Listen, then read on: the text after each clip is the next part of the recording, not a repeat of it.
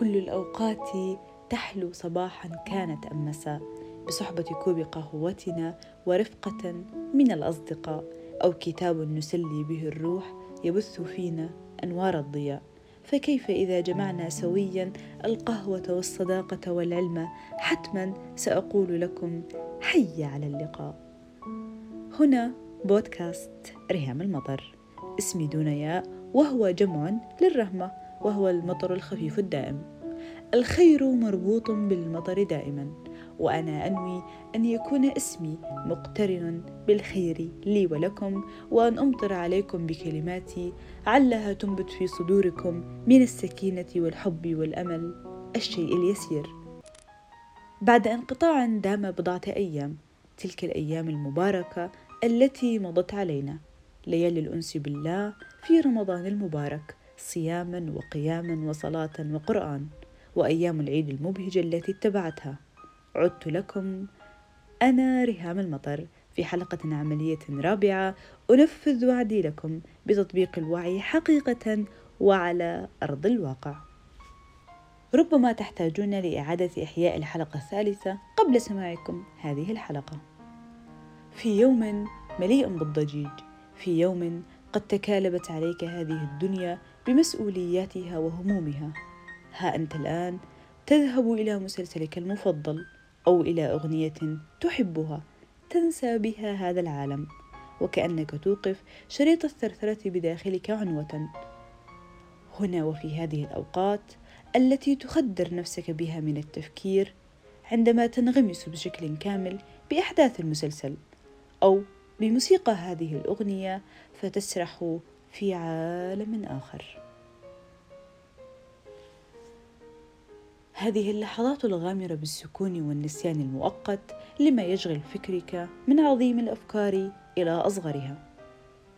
هل تساءلت يوما عن سبب إدمان البعض الألعاب الخطرة كالقفز من أماكن عالية أو المشاركة في السباقات السريعة وغيرها؟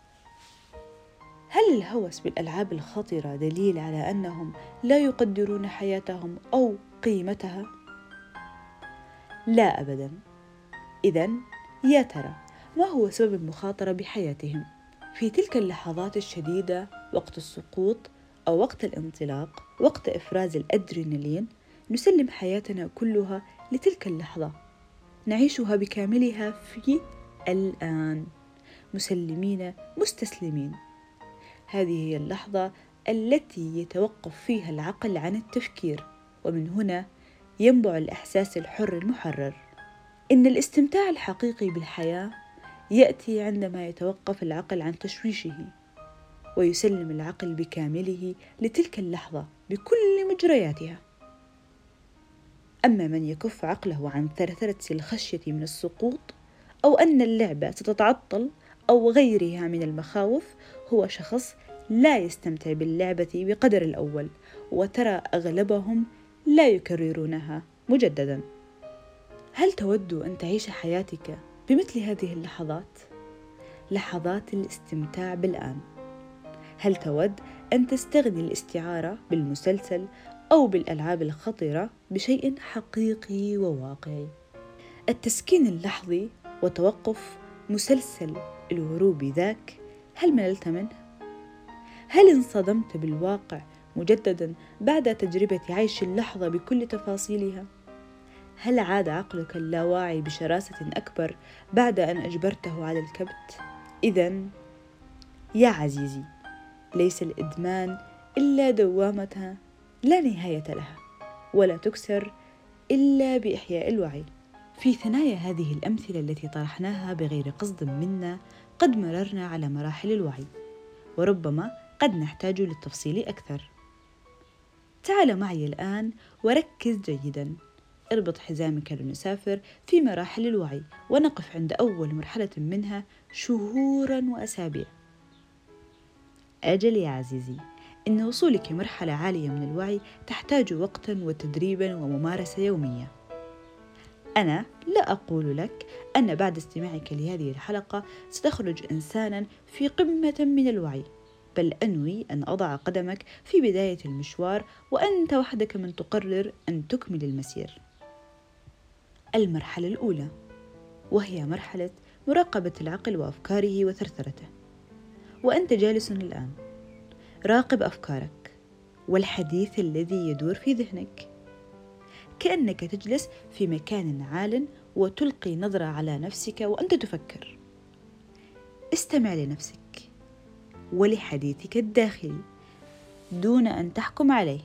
فالحكم يعني أنك خرجت من الوعي ودخلت مرة أخرى بثرثرة قضاء العقل.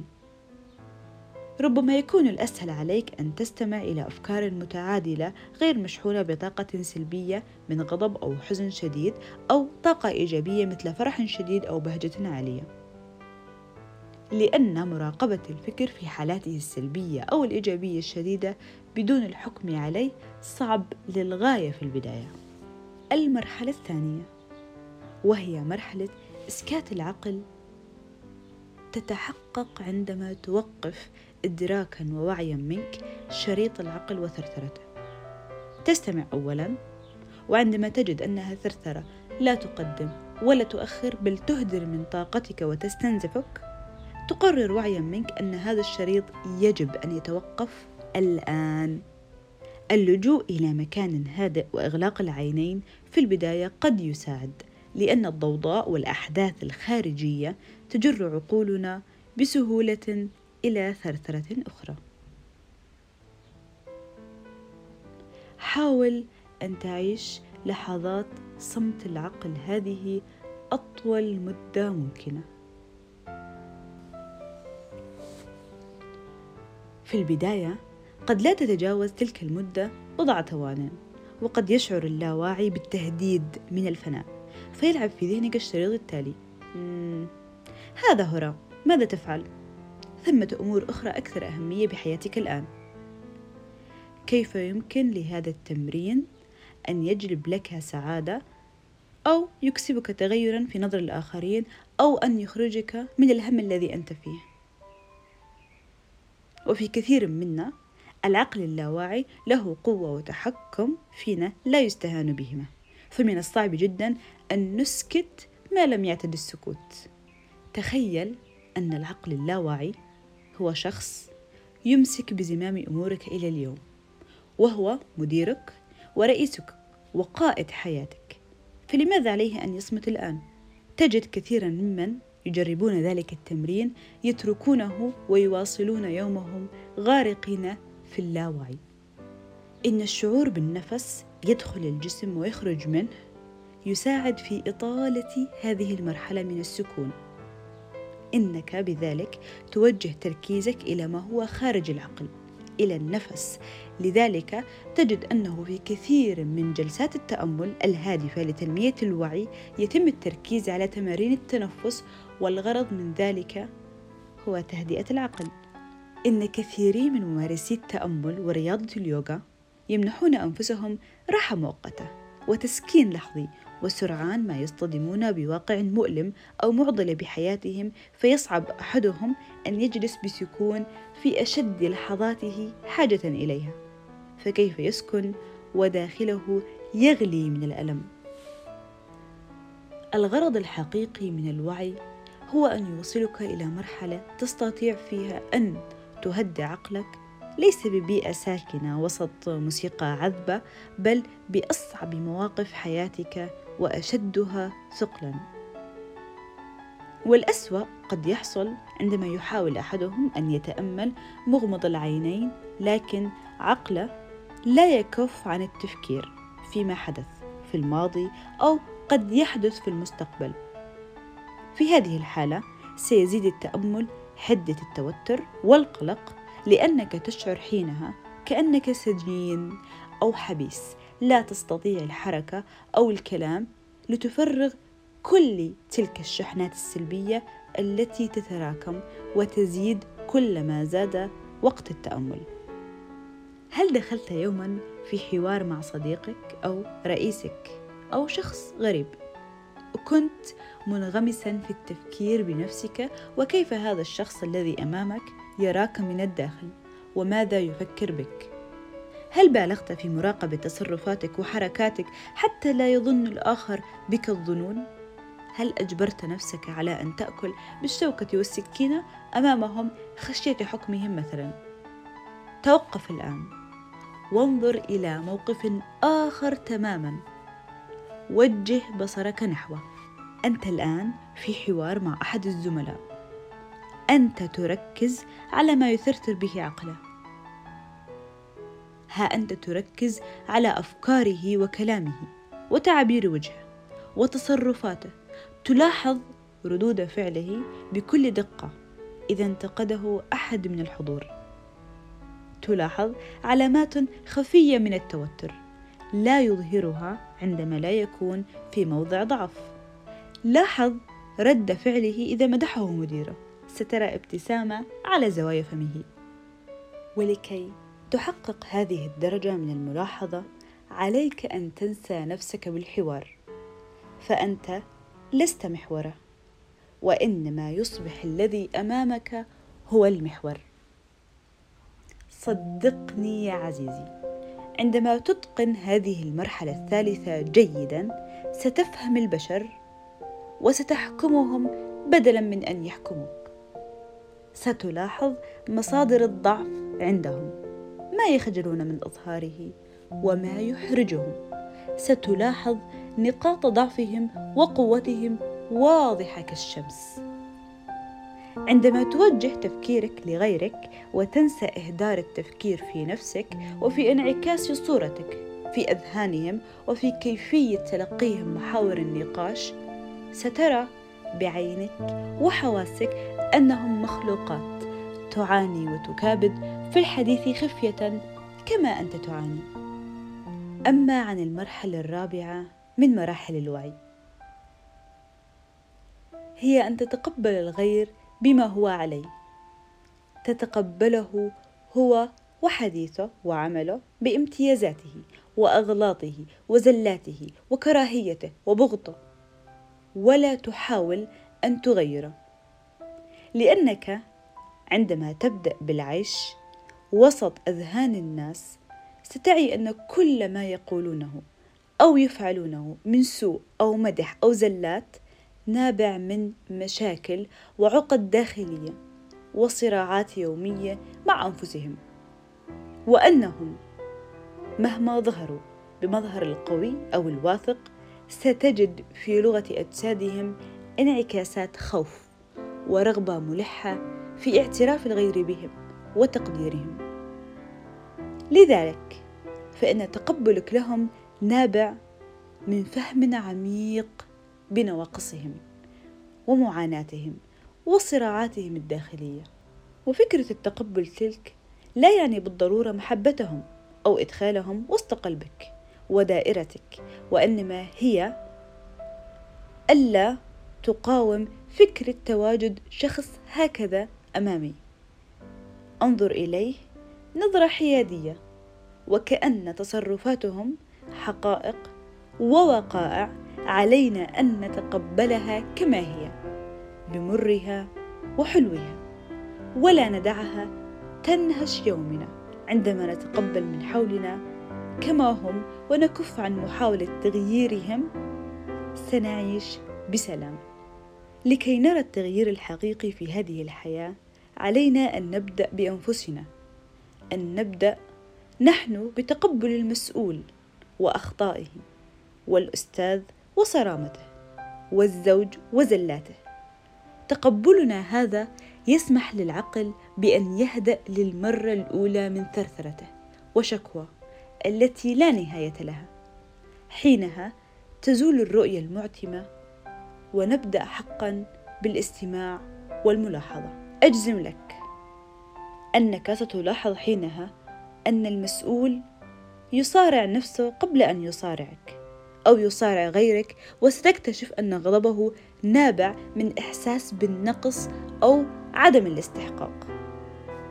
المرحلة الأخيرة والأسمى من مراحل الوعي بعد مرحلة تقبل البشر من حولنا وفيهم من أساء إلينا. تتمثل هذه المرحلة الرأفة والشفقة الصادقة النابعة من الداخل على من أساء إلينا متعمدا. وهذه من أصعب مراحل الوعي. جميعنا نعرف كيفية التعامل مع من يحترمنا ويعرف قدرنا. ولكن في اللحظات التي نتعرض فيها إلى الإساءة يبرز الفرق بين الواعي وغيره. إن التعاطف مع المسيء نابع من الإدراك بمدى نقص الوعي عند المسيء. هو إدراك أن إساءته ليست إلا صرخة استغاثة تأتي نتيجة شعور بافتقار داخلي عميق فينادي بإساءته أعيروني اهتمامكم استمعوا إلي احترموني. أريد أن نركز هنا على مسألة مهمة جدا وهي أن الوعي الحقيقي لا يعني أن تسمح لغيرك بأن يتعدى عليك وأنت صامت وهادئ باسم الوعي. لا الوعي الحقيقي هو القدرة على التفكير السوي غير المشحون بمشاعر هائجة وقت الخلاف والصراع. وعند وصولك هذه المرحلة تستطيع حتى في أكثر اللحظات شدة على النفس البشرية أن تتخذ قرارات صائبة وصارمة تنبع من نضج حقيقي. ولن تندم عليها مستقبلا. فدواخلنا تظل مصدر خوارجنا. وعندما يهدأ الداخل تتزن مخارجنا. الواعي هو من يضع حدود واضحة في حياته ولا يسمح للغير بأن يتجاوزها وإن تجاوزها أحدهم بكلمة أو فعل فإنه لا يثور ولا يغضب ولا يسب ولا ينتقم بل يتصرف بسلوك واع يضع من أمامه مكانه دون أن يعرض نفسه للمساءلة والندم مستقبلا. أنا شخص قد مررت حقيقة على أعتاب هذه المراحل جميعا. مررت في مواقف بعد قراءة هذا الكتاب مواقف مشابهة. وجدت نفسي أطبق شيئا من الوعي. وأنت يا عزيزي المستمع بعد هذه الحلقة أود أن تركز جيدا في حياتك في الأشخاص من حولك في ثثرة عقلك ماذا يقلقك مؤخرا وما الذي تود الخلاص منه؟ هل تنوي الآن أن تسامح المسيء بل وأن تشفق عليه. هل تود أن تجرب لحظات صمت العقل مدة أطول؟ أن تتقن كل مرحلة بحذافيرها. استمع لهذه الحلقة مرة أخرى. دون ما تستطيع تدوينه. ما دفعني للبودكاست ولمخاطبة أرواحكم إلا رغبتي الجامحة في بزوغ شمس التغيير في حياتكم. أن ألمس نتائج بعد القراءة. أن تطوروا من أنفسكم. أن تخرجوا من دائرة قراءة كتاب للاستمتاع به إلى قراءة كتاب للاستفادة منه عمليا. أخبروني إن لمست هذه الحلقة شيئا من واقعكم. أخبروني ولو كانت كلماتي قد ساعدتكم ولو بشيء بسيط من التغيير. حينها سأكون في قمة سعادتي. كنت معكم. أنا ريهام المطر. انتظروني في حلقة قصيرة جدا أخبركم بها عن أصناف البشر عند تعرضهم للإساءة وهو أصعب اختبارات الوعي. ضع نفسك تحت أي صنف منهم. شاركني تقييمك. لا تنسى يا صديقي مشاركة هذه الحلقة مع من تحب. دمتم بود.